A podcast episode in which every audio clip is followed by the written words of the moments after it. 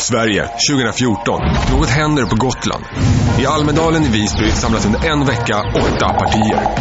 Till över 3000 evenemang kommer det tiotusentals besökare och mitt i allt det här finns det åtta programledare en morgonsändning. Och dit kommer det massor med gäster. Så nu är det dags att vakna. Det här är God morgon Almedalen!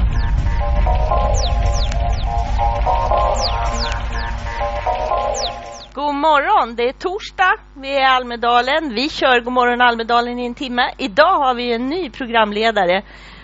Tjena Daniel. Tja. Vem är du?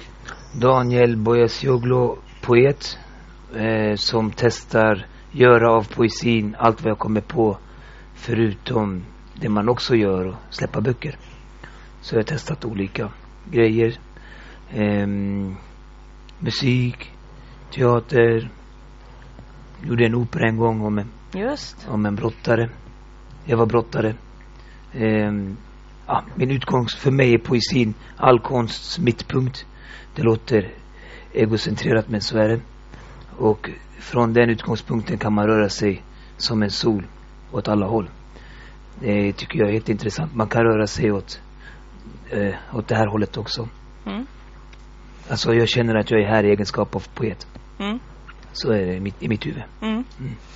Jag skrev inför det här programmet, jag, jag har verkligen sett fram emot att få ha dig med i det här samtalet. Eh, eh, och, och också till den här lilla stunden då vi kan ägna oss och fundera lite över Almedalen och så. Men ska vi börja om hur, hur, hur det ens kommer sig att, att vi står här? Ja.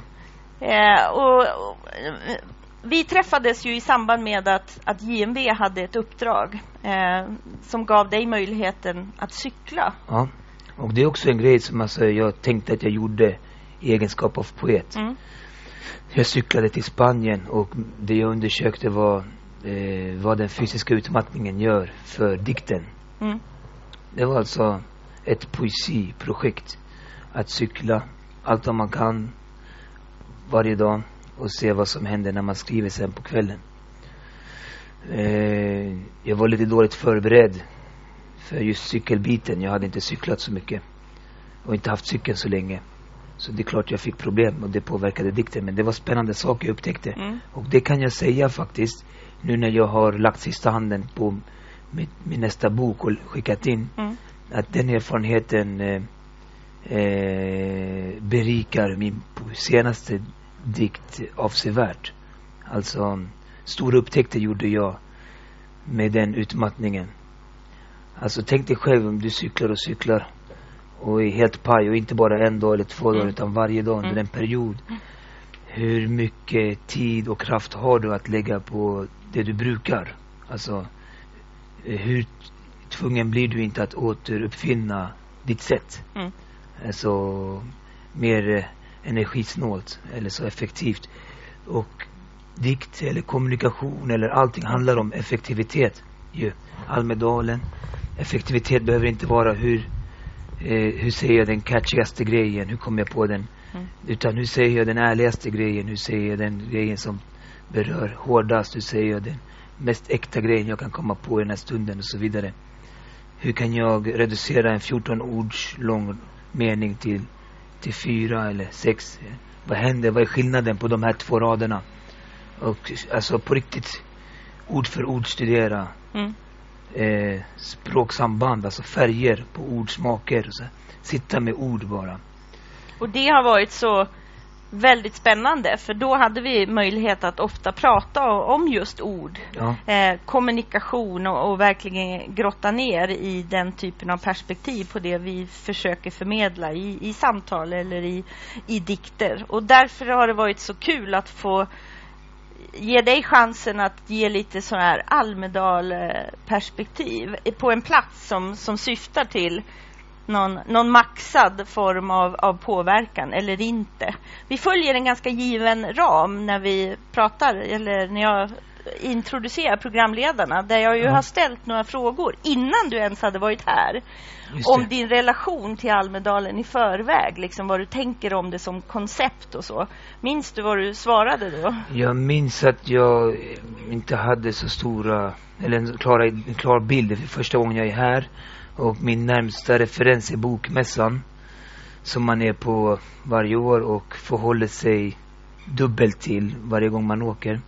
Det är ju jippo i stor utsträckning. Mm. Eh, men alla är ju också där. Så det man, det man vill göra har man möjlighet att göra. Alltså det man kan omsätta det till det man önskar själv att det är. Mm. Men helt enkelt är det inte och många risker finns på vägen att det blir någonting annat än vad du hade tänkt. Men eh, min princip inför sådana här saker, det är ungefär som inför en, en eh, rea när man handlar kläder alltså. Då, då tänker jag att jag inte handlar de plagg som jag inte skulle ha köpt även till ordinarie pris. Alltså bara för att det är billigt Mm. handlar man inte. Samma sak, bara för att hela Sverige är här behöver jag inte träffa dem som jag inte vill träffa annars. Och sitta och prata med folk som jag inte skulle gå och fika med i Stockholm eller vart man är. Eller hur? Kan vara en ganska bra princip tänker jag. De som jag ändå vill träffa, de är här och nu. Och jag träffar dem.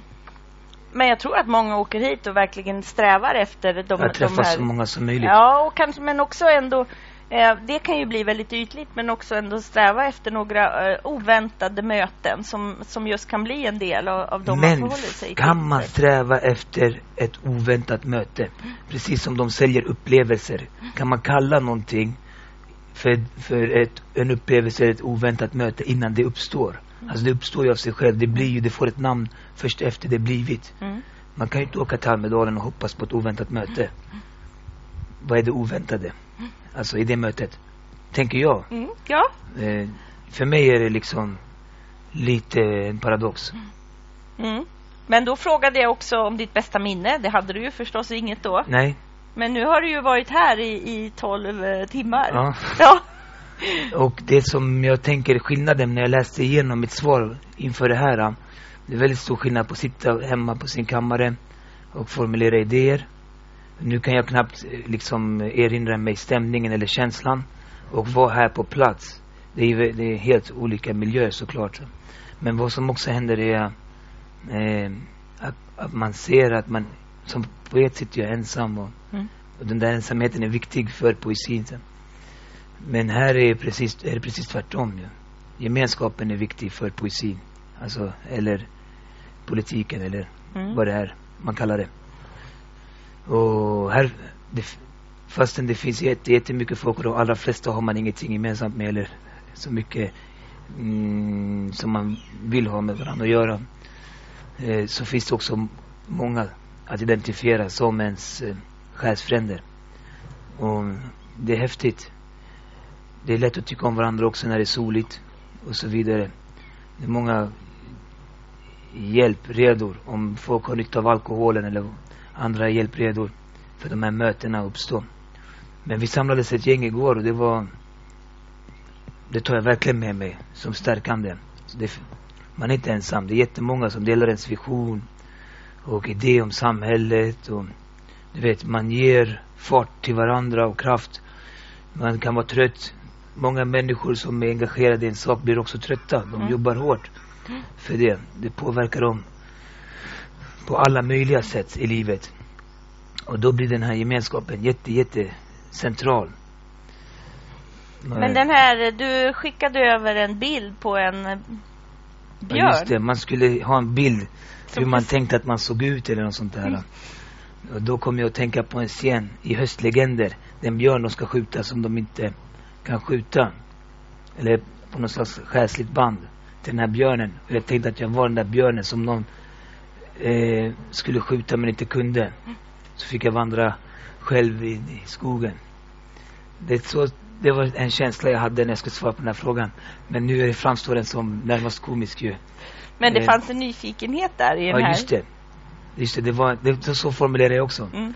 Att jag med nyfikenhet blickar ehm, och det som jag inte deltar i, Mm, kan man mm. säga. Ja. Men jag tror jag, jag chockade dig lite. Jag tog dig ju på en speedad tur igenom Almedalen. Direkt ner till smeten vid Donners. Eh, lunch på Kallis. Vidare till eh, lite av den, den marknadsplats, lite väldigt likt Bokmässan kan man säga, nere Ja. vid hamnplatsen och så. Eh, och, och vi hade väldigt utmanande samtal eh, under dagen om Almedalen och vad vi ser. Eh, och eh, jag måste testa en, en reflektion jag gjorde. Vi gick ju båda på politism-mingel. Ja. Som... Eh, eh, det är ju verkligen ett typexempel på, på nya eh, mediaarenor. Eh, debattsajten eh, Politism. Eh, och jag gick därifrån, från en arena som var för mig ett av de bästa minglerna där jag kände mig väldigt, väldigt hemma på många sätt och vis. Mm. Eh, och den låg också symboliskt uppe bakom kyrkan, högt upp så, Just blicka det, över hela ja. havet. Och så gick jag ner genom dalen, förbi alla dessa mycket mer traditionella eh, arenornas mingel, de här köerna till en, till en allsång för Almedalen och, och den eh, tummelplats som Donners är för den traditionella bilden av Almedalsminglet. Och så gick jag upp för backen igen, bort till TCO-parken. Och där hade eh, var det Maktsalongen som hade årets feministiska tal. Maktsalongen är ett sätt att stödja unga kvinnliga ledare i civilsamhället att, att eh, agera. Och, och jag har en fundering, för jag lämnade ju dig på politism och vet att du fortsatte i, i, mm, i det gängets kretsar. så. Ehm, det här jag såg i dalen om fem år, de här arenorna som är det nya Almedalen som verkligen puttrar överallt. På Alltså, kanterna kanske på- till och med. ja. I din fysiska bild där av staden. Ja. ja. Och, Är eh, de i mitten och hur agerar de om två, tre, fem år? Alltså det som, jag har främst erfarenhet från kulturbranschen och det man ser är när det kommer eh, krafter från sidan eller utifrån och det blir en liten rörelse. Det blir delar av de rörelserna kommer med om fem år och etablerar sig i, i det centrala liksom spelet. Och de som bäst etablerar sig det är de, de som bekräftar, eller som, som man säger pratar på maktens språk och som för sig som, som de i mitten. De Kommer lyckas- de ha glömt när de var där? det finns en uppenbar risk ju. Alltså, för du ska... Är det inte någon fransk socionom med ett namn som är svårt att uttala som utvecklar någon idé om det här med att... Eh, jag vet inte riktigt. Eh, makten vill lämna över makt till någon som de identifierar sig med ju, eller hur? Så då måste man göra sig identifierbar. Eh, för om jag ska gå i pension och någon kommer som jag inte alls förstår mig på, då kan de ju radera Ja. minnet av mig ganska enkelt. Men Ja. är, ehm, är det inte då, de här är ju inte identifierbara nu. Man känner Nej. att det finns en diskrepans däremellan. Men man måste bekräfta makten Mm. för att bli identifierbar. Så du måste tala till de här makten och makten. Men det är ju det är som du och jag identifierar oss i varandra. Det är inget konstigt. Vi hittar någonting som du känner igen i mig och jag i dig. Så. Och då kan, man, då kan ett samtal uppstå. Om inte så kan ett samtal inte uppstå. Men om det är någonting från de här äh, ytterflankerna behöver åstadkomma, eh, legitimera sig själv eller bli, göra sig själv eh, möjliga att få bekräftelse av. Det är, utan att dra på för stora växlar så kan man ju lätt prata om en risk att man eh, slätar över. Liksom att man slipar sina kanter eh, mindre spetsiga. Och då kan man också förlora i legitimitet. Man, eh, man utgör inget. Man kanske ser ut som något nytt men man är ingenting nytt. Man är inte ett faktiskt nytt inslag i det som alltid har varit. Eh, alltså, Det är de att prata på maktens språk är att bekräfta makten som full, eller hur? Till exempel. Vad är poängen med att, med att prata som de redan gör? Det, och samtidigt måste du göra för att kommunicera. Vad är poängen med att prata på ett sätt som ingen begriper? Men jag, det jag bar med mig var ju att här finns det starka krafter som pratar på, som jag tror och menar, hur idealistiskt det än kan låta, som kan bryta igenom och som har ett nytt maktspråk och som, som kan öppna eh, och, och inte följa det traditionella mönstret givet. Hur, hur förförande makt än kan vara också. Men det är också så att nu framstår det som det är när de är samlade i, som grupperingar. Mm. Sen finns det plats för en eller två av de här ur det här gänget. De kommer inte som en institution. Nej. så här, bered, man bereder väg för en hel klump människor. Så är det ju inte. Det är lite en i taget principen. Och då beror det ganska mycket på hur lång tid det går mellan första och andra och tredje och fjärde. För den här perioden är de ganska ensamma i, i det här nya sammanhanget. Då riskerar man, man riskerar att bli fär, färgas för starkt för att klara av det nya sammanhanget och må bra i det. Alltså, ja, det, är, det, är en, eh, det är en jätteviktig fråga. Men när man pratar om förändring och nya aktörer som kommer in och sånt där. Om du tänker dig en ekonom som ska vid årets slut redovisa företagets in och utkomster. Mm. Det finns ju i våra världar och i kulturen, en teater kan ju säga kolla vad bra, vi gjorde en föreställning här i år och vi hade tre invandrare på scen. Mm. Fantastiskt. Vilken förändring. Mm. Vilket, det, eh, men det skulle ju alltså motsvara en ekonom som säger vi tjänade så här mycket pengar och inte väga in vad vi gjorde av med. Det finns ingen balansräkning. Det finns bara så här mycket. Det är bara en omsättning. Och lite så är det också om man bara räknar huvuden. Eh, vad kostar det medan vi sitter här och firar små, små framsteg med att det kommer några nya aktörer. Mm. Så, så, brinner det bilar, så händer det grejer. I det verkliga, alltså andra sidan mm. båtfärden, så händer det andra saker. Och om den utvecklingskurvan är mer dramatisk eller progressiv än den vi kan göra gällande, så, så är ordet förändring, som vi älskar så mycket, devalverat. Det betyder inte det vi säger att det ska betyda. Det här är en viktig, viktig sak. Och för mig som poet så är det absolut hemskaste, det, det värsta som kan hända, det är att vi devalverar ordens värde. Allting annat är okej. Okay. Mm. Ingen förändring hellre än att vi pratar om förändring som inte är förändring. Så är det för, för mig alltså. Mm. Eh, ja, man kan slåss för mindre. Alltså man kan slå någon på käften för mindre. Så känner jag. Bara att ta orden i munnen. Mm. Eh, jag kan inte tänka mig något hemskare än att vi börjar ljuga för varandra på det här sättet. Och prata med ord som förlorar sin betydelse. Den problem. listan över dina ord ja. som du tycker har tappat betydelse. Den hoppas jag att du... Eh... Ja, den vore intressant att författa. Ja. Verkligen. Det finns några givna ord mm. på den listan. Vill du öppna för några fler eller ska... Det, nej, men det finns många trixiga ord mm. när man pratar om det här. Tolerans är ett sånt ord. Om jag ber av dig att vara tolerant för att det ska tjäna någon slags utveckling som jag ser, då definierar jag dig också i maktposition gentemot mm. mig. Alltså du kan, om jag vädjar till din godhet i den här typen av språkbruk, så kan du en bra dag välja att vara god, en dålig dag prioritera någonting annat. Mm. Jag måste sluta vädja till din godhet. Det är inte det det handlar om. Och till min tolerans. Och till din tolerans. Mm. Alltså, för att eh, jag måste tala till din rättfärdighet. Jag betalar skatt som du gör. Och alla här alltså. Jag är juridiskt jämlik. Och jag måste ställa dig frågan. Hur hanterar du känslan att du är, har ett högre människovärde än jag har idag i vårt land? Som vi båda faktiskt lika stor del av. Mm. Och ute i det här havet av människor. Inte just samlade här så här tidigt på morgonen, men i, i den här staden. Hur hanterar vi det här? Om man kommer och hänger med mig och tycker att jag är ball och att jag har eh, en snygg fläta eller någonting. Och har det trevligt. Och jag ställer de här frågorna. Vet du vad den här trevligheten kostar mig? Vad kostar den dig? Alltså, mm.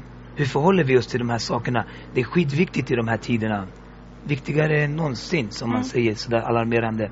Nej men på riktigt, om vi inte skärper tonläget nu, när? Mm. Alltså hur länge ska vi bereda plats för de här snyfthistorierna oavsett eh, vilken flank det är vi gör plats för? Alltså de här uh, som på ena sidan staden eller de andra, andra sidan staden. Hur, vad hjälper det oss? Mm. Jag upplever det ganska mycket som fördröjningstaktik. De sitter där i mitten och skrattar åt och tiden som passerar medan vi hoppas på små, små brödsmulor från deras bord. Eh, nu skärpte jag tonläget, ja, men, men det... på riktigt så är det så det känns ibland. Ja, men du måste göra den här ordlistan och du har också en annan sån konkret sak som jag tror vore väldigt spännande. Det är att tanken på eh, eh, den skattelättnad som du borde få. Just det. Det är också någonting man kan göra. Det är väldigt framgångsrikt tycker jag med de här siffrorna man tar fram hur mycket mindre du som kvinna på ett yrkesliv tjänar än, än mig som man. Mm. Om man skulle ta fram samma siffror men inte direkt kopplat till arbete utan om jag skulle identifiera mm, överallt där mina skattepengar används, alla våra skattepengar används och eh, på något sätt försöka verifiera eh, hur lite av de pengarna som eh, används riktat. Alltså, Mm. Hur många eh, finns det i, i förhållande till hiphop-kollon? Hur många pjäser på Dramaten sätts upp i min estetik? Så? Hur många förläggare eh, som får stöd för sin utgivning lyssnar hellre på Biggie än Bob Dylan. Så man kunde göra en lista, den är inte så svår. Man kan ställa vissa frågor och gå, alla myndigheter, Folkhälsomyndigheten, hur stor representation har jag där? Hur mycket pengar får de av mina pengar och dina pengar? Hur många poliser kallar mig apa, hur många gånger, vad kostar det mig och så vidare. Så Mm. Det är pengar, mina pengar som jag vill ha tillbaks. För jag, fick, jag köpte en, de sa att det var en tröja, det var en byxa när jag kom hem. Mm. Jag vill gå tillbaks till affären med den och säga du, det var fel. Jag vill ha tillbaks mina pengar. Man kan göra en sån där lista. Jag tror att det är intressant. Eh, att, att, börja, att börja prata om det här bygget. Som ett, eh, ett gemensamt projekt och, och det är ett demokratiproblem. Vissa saker måste vi lyckas med för att fortsätta kunna kalla oss en demokrati. Mm. Eh, och man måste ställa saker mot varandra. Och mångkultur handlar inte, det är en bluff att tro att det handlar om att alla får plats. Tyvärr. Vissa måste göra plats för andra. Alltså, eh, det är inte så att det är himla trevligt och allting går ihop. Mm. Det, vissa saker måste bort. Som är, är en väldigt enkel sak att kolla på också. Hur många i det här landet heter av skattebetalarna Mohammed? Och hur många heter Uno? Om det, jag har bara en vild gissning att det är fler som heter Mohammed. Eh, jag har inte kollat på det ännu. Mm, Men mm. det borde vara ganska okontroversiellt och odramatiskt att byta i almanackan. Eh, det borde inte vara en konstig sak. En sån almanacka kan man göra. Det, eh, alltså tonläget måste skärpas faktiskt. Medan vissa tycker att nej, nu får de här feministerna skärpa sig, nu har det gått för långt. Eller vad menar han den här lilla blatten och komma till vårt, vår fina stad här och, och säga de här sakerna. Han ska vara glad och vara här. Så, så menar jag att eh, okej, på den där bebisnivån så kan vi inte åstadkomma någonting. Eh, de som har möjlighet att prata på ett annat sätt måste prata på ett annat sätt. Sakligt eh, och rakt. Inga, inget konstigt ju, faktiskt. Det finns ingenting konstigt med att ställa de här frågorna. För mig. Mm. Och för den som det är konstigt att höra dem så behöver den reaktionen också behandlas. Vad var det konstiga? Kom och sätt dig, vi ska förstå varandra. Alltså, Men du, vi är i Almedalen. Ja. Du har redan kommit fram till din ordlista. Ja, det Ditt skatteprogram. Och nu ska du göra till nästa år så byter du ut namnen i almanackan till en mer representativ utifrån hur det faktiskt ser ut. ja, det kan vara det. det. Ja. Och det är ju väldigt kampanjinriktat. Eh, och vi kommer ju senare idag också, det finns ju en annan anledning till att du står här och det är ju att vi senare, inte bara att vi jobbade tillsammans i, i din cykling eh, i, till Spanien utan med Sitt med David som var förra årets hetaste kampanj i Almedalen har ju fått en mängd ringar på vattnet och bland annat en video eh, som eh, gjordes här i våras. Till vilken fågelsång har du skrivit texten till? Precis. Och det kommer vi ha ett seminarium om i eftermiddag. Till fram till 12 idag kan man ju nominera till eh, årets hetaste i Almedalen. Nu kommer en eh, del från videon.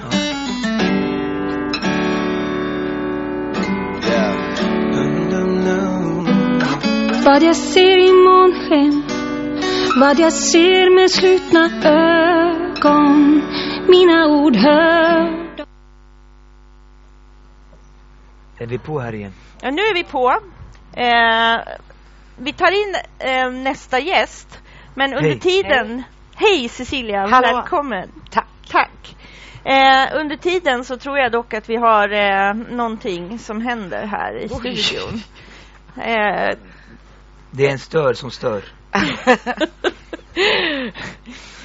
Mycket effektfullt. ja, ska vi få Ska lite förklaring den eller till ska det vi här? återkomma till den? Vi, na, vi kan återkomma till den, men vi ska framförallt få det som ju faktiskt var årets hetaste för två år sedan. Och det här är årets version. Mm. Ehm, Almedalsdrinken i år. Ja.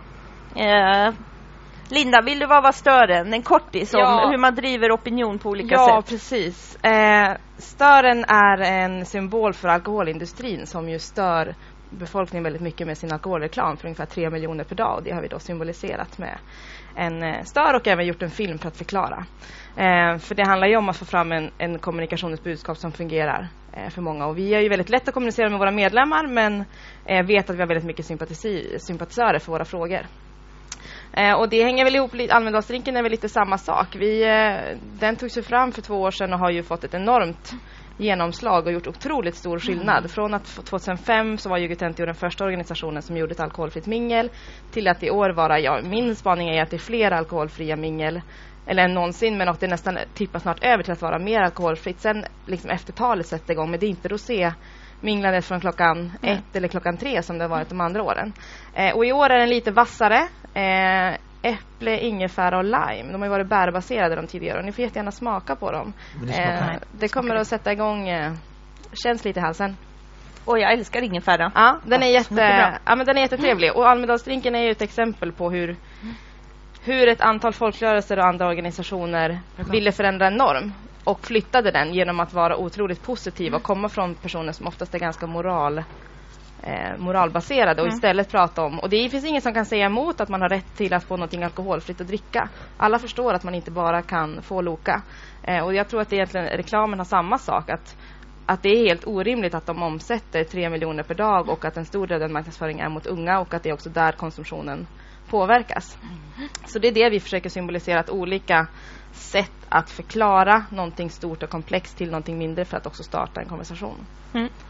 Eh, Från drink till en, eh, till en eh, stör, stör. med andra ord. Den. Ja. den är i tre meter då. Jag tror inte att allting syndes. Men den är jättestor och den har varit och hälsat på på många olika ställen och väldigt många eh, politiker också liksom ställt sig bakom. Ja, Men nu det här, får den det här alkoholfria, det är också störande för många. Mm. Alltså jag vet ju, jag väntade länge med att börja dricka alkohol. Jag var 24 eller 25 eller sånt Mm. där. Och Varje gång man var på fest så skulle samma personer bjuda en Ja. på alkohol. Åh nej just det, nej just det. Ja. Aj, ja just det. Sådär ungefär. Det, det, det är bra om drinken har en funktion också. Om den ser ut som en drink men den är alkoholfri. Mm. Då, då kan det, det kan vara smidigare. Precis. Och det, Man och ser det ut där har som vi att man pratat dricker jättemycket och man om. deltar men man kan välja det alkoholfria Precis. enkelt. Och förändringen har ju sett ut att, att nykterhetsrörelsen tillbaka i tiden på 70-talet manifesterade sin nykterhet genom vatten eller någon läsk. Eh, och man ville inte passera utan man ville markera. Medan dagens nykterister snarare vill liksom ehm, passera genom att dricka någonting som ser ut som alkohol eller alkoholliknande och sen efter ett antal timmar, jaha, är du nykterist? Ja, du dricker inte ikväll. Och då har man liksom alla fördomar man hade då blir liksom krossade genom att man trodde att personen också drack som alla andra. Hur pratar man om de här två ansiktena? Den som hävdar någonting tydligt och den som eh, gärna gör en grej av att det inte vara så tydlig. Just Alltså det. finns det någon, eh, som man i hiphopen pratar om äkta och inte äkta Absolut. hiphopare? Det finns abs- jättemånga som tycker att man eh, liksom säljer sig och inte, inte alltid gör. Man ty- de tycker att man ska markera varenda gång att det ska stå nykterist i pannan på en och för att man, det är så man talar om att man är stolt nykterist. Eh, Medan personer som tycker att det är jobbigt att varenda gång behöva ta debatten men däremot gärna gör det i andra sammanhang eh, kan bli trött på att det finns ett rätt sätt att vara nykterist eller att dricka alkoholfritt. Men det här Al- Almedalsdrinken handlar ju framförallt inte om utbudet till nykterister utan om den som person som vill åka till exempel till Almedalen i sju dagar och inte dricka varje dag utan kanske dricka en eller två dagar eller varannan eller på ett mingel och inte på fem. Eh, så det är den funktionen den fyller snarare än att det är liksom till mig som Alltså jag löser ju det. Det är inte mig det är liksom. Det, det är snarare den som kanske inte borde dricka eller inte vill dricka eller inte vill ha det så här. Men jag tänker också att man kan hävda andra saker med att inte eh, eh, vara sådär eh, eh, stå med vattenflaskan. Mm. Att man kan göra andra poänger. Mm, Eh, absolut. Tack Linda för Ja, att du varsågod. kom. Nu ska vi Ska föra de om ett annat... eller ska jag- Ja, vi vill Ja, ha jag dem ska- här. Bra, Ja. varsågod. Tack. Dela lite med dig. Ja. Hej Cecilia, Hej. du har ju ett mingel ikväll. Ja. Ja. Eh, berätta, TEDx Almedalen. ja. Eh, jag skulle kanske inte definiera det som ett mingel. Nej. Utan det är kanske ett, mer ett möte. Mm. Och det är TEDx Almedalen och det är femte året som vi gör det i en trädgård här i, i Visby. Där vi samlas eh, ungefär 150 personer för att lyssna på sex talare inom det här TED Talks-formatet. Mm. Eh, och vi har valt att lägga upp det så att vi försöker vara utforskande varje år kring, kring ett, ett begrepp. Så vi har haft eh, begrepp som gränslöshet, vi har haft begrepp som eh, eh hur man får vänner och följare, eh, modiga personer. Och eh, i år så har vi då begreppet the conversation, samtalets kraft i en samhällsutveckling. Mm. Så det ska vi få höra ikväll och det är ett midnattsseminarium. Mm. Och gästerna, vilka är de utvalda talarna i år? De utvalda talarna eh, ska ju då helst eh, representera olika infallsvinklar, olika branscher och tänkare kan man väl säga, utövare. Mm. Så att dels har vi eh, en, en av Sveriges tyngsta på förtroendeskalan eh, journalister, Anna Hedemo från SVT mm. som eh, jag tror kommer att beröra sanningen i samtalet, sanningshalten. Mm. Vi har en präst som heter Kent Visti. Han är universitetspräst, eh, men också konstnär. Vi har Navid Modiri, mm. samtalsaktivist eller kommunikationsaktivist som är väldigt aktiv här också i Almedalen. Han har ju satt igång flera offentliga samtal här.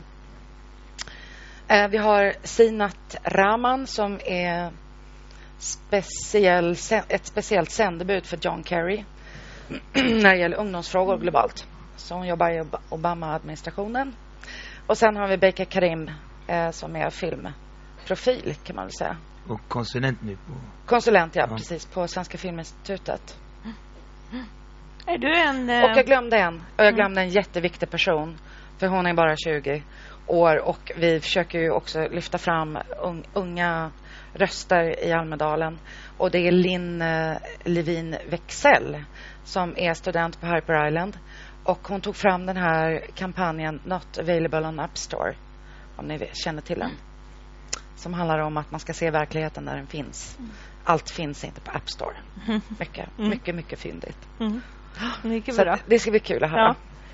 Har du någon relation till, till TED Talks? Alltså det händer ju att folk länkar på Facebook eh, och man kollar in det. Men jag följer inte aktivt, kan jag inte säga. Mm. Det, det är mer, um, alltså antingen är man kär i grejen tänker jag och prenumererar på vilket ämne det än är eller så dras man till ämnet. Mm. Och jag är väl den senare kategorin tror jag då. Mm. Och du, som Ted, som uh, att ta det till Almedalen. Hur tänkte du när ni tog det initiativet? Uh, ja, nu är det ju några år sedan, men och Almedalen har ju förändrats väldigt mycket tycker jag under, under de åren. Under de här ja. åren.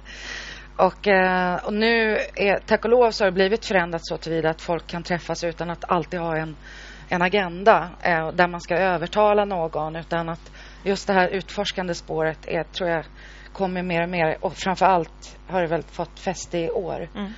Uh, uh, Just och, alternativen till de här ja. minglen och sen... Uh, men också ett sätt att förhålla sig till samtal lite grann det vi gör nu. Ja. Att det inte är ja, givet vad i, polem polemik ja. utan att vi kan faktiskt prata om Men vad, jag tänker om jag fick in som poet så här, vad ett samtal betyder. Alltså ofta om du har för mycket förberett vad du vill få ut av det du, alltså vad, vad du vill lansera mm. och jag har redan färdigt vad jag ska lansera nu när vi pratar så blir det sällan ett samtal i den meningen att eh, det, vi, det vi gemensamt eh, den gemensamma riktningen som vi kommer att gå den uppstår ju, man måste vara lite förutsättningslös eller, mm. i, i det mötet ju. Mm. Mm. Tror jag också.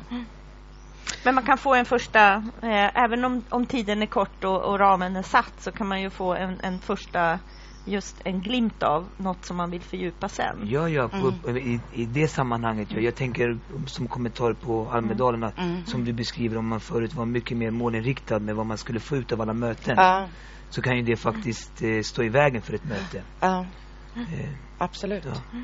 Så när drar ni igång ikväll? Nu kör vi igång klockan nio eh, och vi kör fram till midnatt. Så och det, det sänds via nätet? Det sänds via nätet. Vi har ganska många tittare faktiskt som mm.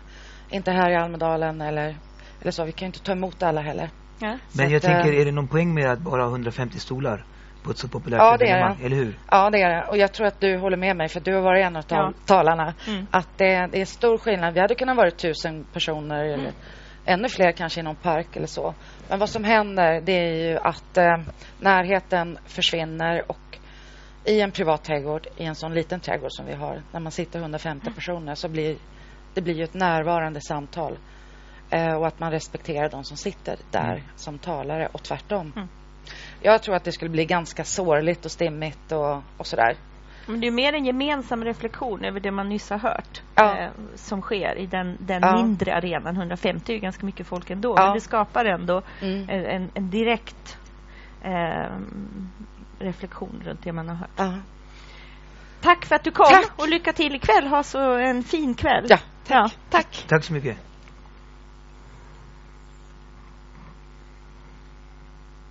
Nu kör vi. Kör när du är redo. Ja. Hejsan! Eh, jag är här för att lyfta någonting som stör mig väldigt mycket och eh, det är att alla pratar om mångfald och innovation och eh, tillväxt. Eh, och jag hävdar att det är inte riktigt där vi är. Det är bara ord och inte handling. Vi måste lära oss att se bortom det yttre paketet i människor och titta på den egentliga mångfalden, det vill säga kompetensen, egenskaperna. Det är där tillväxten finns. Och eh, de människorna återstår att finna i de små företagen i Sverige. Och det är småföretagarna som står för 90, 99 procent av alla företag i Sverige små och medelstora företag. Och det är de vi ska satsa på. Det vill säga de som är osexiga, bröd, levebrödsföretagen som ingen bryr sig om egentligen. De som ser till att alla kan kuta runt här i Almedalen och prata om saker som ändå förser oss med service och mat och dylik eh, teknik till exempel. Det är de företagen som bär Sverige på sina axlar och där finns mångfalden. I vårt land så saknar vi inom 15 år hundratusentals människor som inte ens existerar. Det vill säga att det är ett rasistiskt Sverige som vi håller på att gå till nu och det vi ser i Almedalen i, i år med hot och rasism så finns det inte plats. Det finns inte plats för det i vårt land om inte vi vi vill bli Vasaskeppet. Vi måste ta in människor som inte ens är födda eller påtänkta. Eh, svenskar kanske ligger väldigt mycket med varandra men de skaffar inte tillräckligt med, med barn. Och det är ett problem. Vi saknar medborgare. Och medborgare vill inte komma hit om vi är rasister. Så eh, tillväxt, innovation och mångfald hänger väldigt nära ihop med det som händer i Almedalen idag. Eh, som är eh, symptomatiskt för runt om hela Europa. Det leder oss in till småföretagarna och den vikten de har för vårt land. Jag driver Sverige 3.0 och jag verkar för att den svenska flaggan, den står för inkludering, kärlek och tillväxt i gemenskap för den gemensamma framtiden. Och vi verkar för att ta bort skavet i företagarklimatet. Skav står för socialförsäkringssystem, krav, attityder och vinst. Tillsammans kan vi göra detta möjligt. Tillsammans behöver inte vi bli Vasaskeppet utan bara ha Vasaskeppsmuseet.